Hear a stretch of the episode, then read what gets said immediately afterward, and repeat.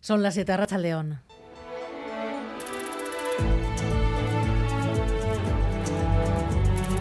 Gambara con Arancha García.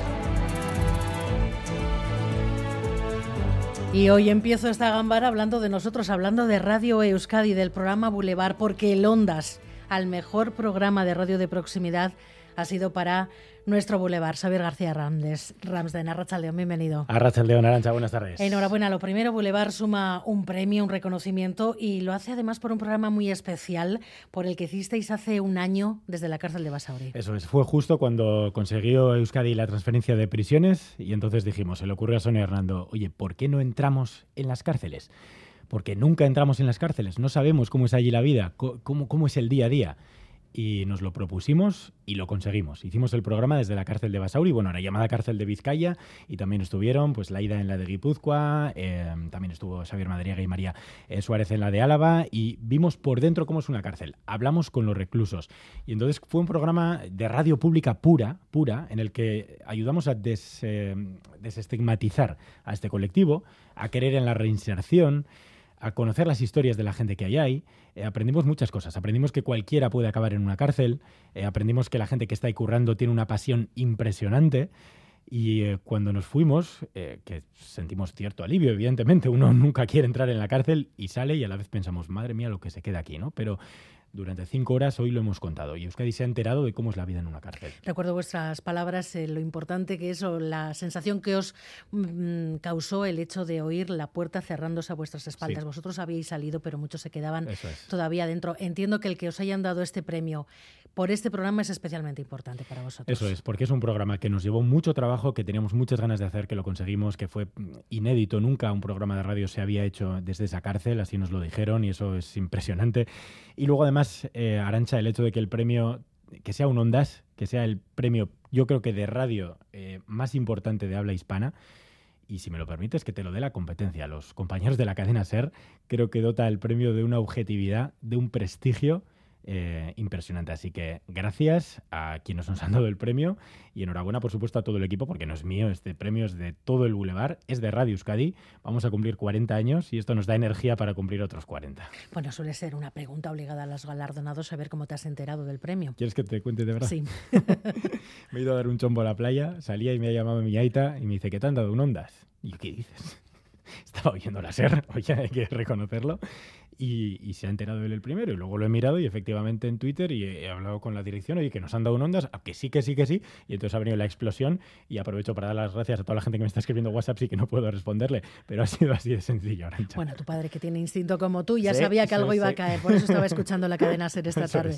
Gracias, Javier. Es que Soriana, lo primero, por supuesto también al resto de compañeros de Boulevard y a todos los que participaron en aquel programa, un programa que fue muy especial para todos nosotros, que nos impactó con momentos como este. Egunon, saludos esta mañana desde Basauri, literalmente desde las puertas del centro penitenciario de Vizcaya. Y a esta hora están procediendo a la apertura de puertas.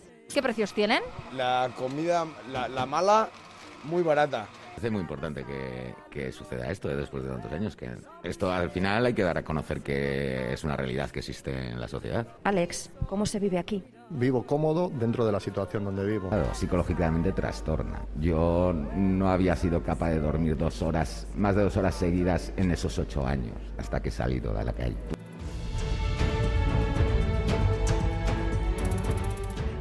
Pues el premio Ondas al mejor programa de radio de proximidad para el Boulevard de Radio Euskadi. Pero además han pasado más cosas esta tarde. Hemos sabido, por ejemplo, que la caída de una rama sobre el tendido eléctrico es, en estos momentos, la hipótesis con más peso sobre el origen del incendio de Balmaseda, que entre el domingo y el lunes calcinó más de 500 hectáreas solo en territorio vizcaíno. El riesgo de incendio, además, sigue siendo muy alto y en las próximas horas, con más de 30 grados, con fuerte viento del sur, a partir de la medianoche, se activa un nuevo paquete de prohibiciones, John Fernández Mora. Así es, a partir de esta medianoche el gobierno Gobierno vasco activa de nuevo restricciones para evitar incendios forestales, medidas que estarán en vigor en suelo rural, rústico no urbanizable de Guipúzcoa, Vizcaya y en Álava en la cuadrilla de Ayala. Hasta nueva orden, probablemente hasta el domingo. Quedará, por tanto, prohibido cualquier empleo del fuego, el uso de maquinaria agroforestal susceptible de producir deflagración, el lanzamiento de fuegos artificiales o petardos, la celebración de barbacoas, la quema de rastrojos, aunque hubiera sido previamente autorizada, o arrojar o abandonar objetos en combustión o que puedan originar un incendio. Entre las noticias de esta tarde también un atraco a mano armada en una sucursal bancaria del barrio de La Peña, en Bilbao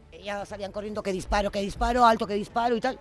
Y al, final el dinero lo han cogido lo que es arriba en el monte. De repente he visto un coche de la Archaina súper rápido y detrás de él iban un montón. Cuando ves esas cosas que siempre las Los dos presuntos atracadores ya han sido detenidos y además siguen los posicionamientos sobre la nueva ley del deporte, la que va a abrir la vía a las selecciones vascas de pelota y surf, David Beramendi. Así es, 24 eh, horas después del acuerdo, indisimulada satisfacción en las federaciones vascas de pelota y surf. El presidente de la Federación Vasca de Pelota, Godson Envil, habla de paso de gigante del paso más difícil que quedaba por dar. A pesar de las incógnitas, anuncia ya que pedirán cuanto antes la inclusión en la Federación Internacional. Desde esta Federación Prudencia, su presidente declina opinar, solo dice que se votará en efecto aceptar o no a la vasca. En la Federación Española de Pelota no lo ven tan fácil, pero respetan en todo caso el acuerdo. Y en surf, la Federación Española también anuncia que acatará la nueva ley del deporte. En esta gámbara vamos a estar también en el Congreso debate de las enmiendas a la totalidad a los presupuestos del Estado, un trámite que el gobierno de Pedro Sánchez va a superar sin dificultad y les vamos a contar las dificultades, estas sí, que están encontrando muchos consumidores para cambiar su tarifa de gas. Esto y la nueva subida mañana de los tipos de interés en Europa. Pero este día se escribe también en Irán. Las protestas, las protestas de mujeres sobre todo, continúan allí. Miquel, ahí estarán a Racha León. A Racha León. Miles de personas han acudido a Saqqez para conmemorar el final de los 40 días de luto por Maxa Amini. Ni las amenazas del régimen contra la familia, ni la masiva presencia de fuerzas de seguridad han podido con la marea humana que se ha acercado hasta el cementerio de esta localidad del Kurdistán iraní para recordar a la joven cuya muerte a manos de la policía de la moral ha provocado las protestas más graves de los últimos dos años en la República Islámica. En este día de final de duelo y disturbios por todo el país, el terror ha aprovechado también para golpear en Shiraz, al sureste de Irán, y al menos 15 personas han muerto y 27 han resultado heridas en un ataque contra la mezquita de Shah Cheragh en plena oración. Fuentes de seguridad citadas por los medios oficiales acusan a grupos extremistas suníes de estar detrás de este atentado contra el templo. Y en tráfico, en carreteras, accidente en la N637 en Erandio, sentido Puente de Rontegui. Ha habido una colisión entre una moto y dos turismos. Están ocupando una parte de la calzada. Precaución si circulan por ese punto. La N637 en Erandio, sentido Puente de Rontegui. De momento desconocemos si ha habido heridos. Pero además están los deportes. Edu García, que nos traéis hoy a Rachaldeón. A Rachaldeón, además de las cuestiones referidas a la futura oficialidad de las selecciones vascas de pelota y de surf, que también trataremos hoy en Quirol al día. Dos frentes abiertos destacados. Por un lado, la llegada de la Real a Chipre. Mañana juega contra el Omonia en la quinta jornada de la fase de grupos de la Europa League. Sin Alexander Sorloz, que por culpa de una gripe, aunque ha viajado hasta las tierras chipriotas, no podrá jugar mañana el partido. Y por otro, en nada, en escasamente 10 minutos va a comenzar la asamblea de compromisarios del Atlético en el Palacio de Euskalduna, una asamblea la primera para la directiva que preside John Uriarte, en la que se van a presentar las cuentas del club, que no son buenas. El saldo de las cuentas del año pasado, con un déficit, con unas pérdidas de algo más de 10 millones de euros, y la previsión para las cuentas de esta temporada, que también arrojan un saldo negativo de casi 6 millones. Pues 6 nada.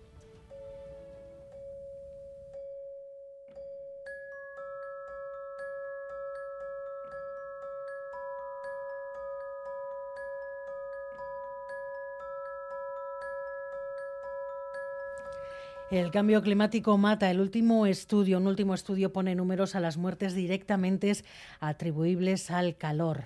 El calor empeora enfermedades e incluso causa muertes. Xavier Madariaga. Por si no había quedado lo suficientemente claro, la crisis climática nos está matando. El último en repetirlo así de rotundo ha sido el secretario general de las Naciones Unidas, Antonio Guterres. Delay means death y esta vez se basa en un estudio que los investigadores llevan haciendo desde hace seis años. Han analizado cómo los cada vez más comunes fenómenos meteorológicos extremos afectan a la salud del ser humano. De 2017 a 2021, las muertes de personas mayores de 65 años relacionadas con el calor han aumentado casi un 70% con respecto a hace 20 años. Por no hablar del daño a las cosechas y el hambre que viene con ellas. Pero ni Guterres ni Greta. How dare you? People are dying. Ni nadie. Vamos a empezar a necesitar luces de neón en las calles, de las que al estilo fumar mata nos digan cada día, la crisis climática mata. Miguel Ortiz y Alberto Sobeldia en la dirección técnica, Cristina Vázquez en la, en la producción. Comenzamos. Gambara, con Arancha García.